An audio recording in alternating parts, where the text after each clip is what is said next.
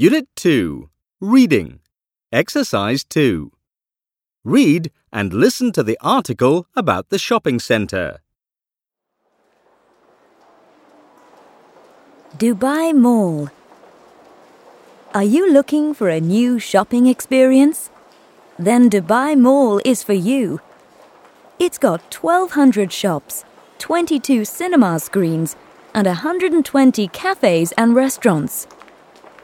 More than 50 million people visit the mall every year. That's more visitors than New York City or Niagara Falls.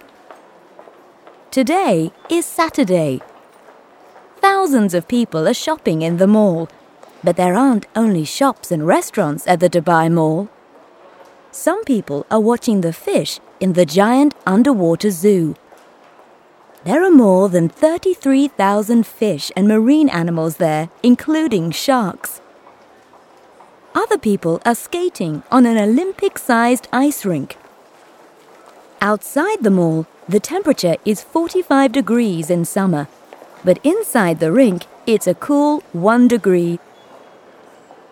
The mall has even got its own theme park, the Sega Republic, with 150 games and rides inside. And that's not all. At the entrance, you can see Dubai's dancing fountain.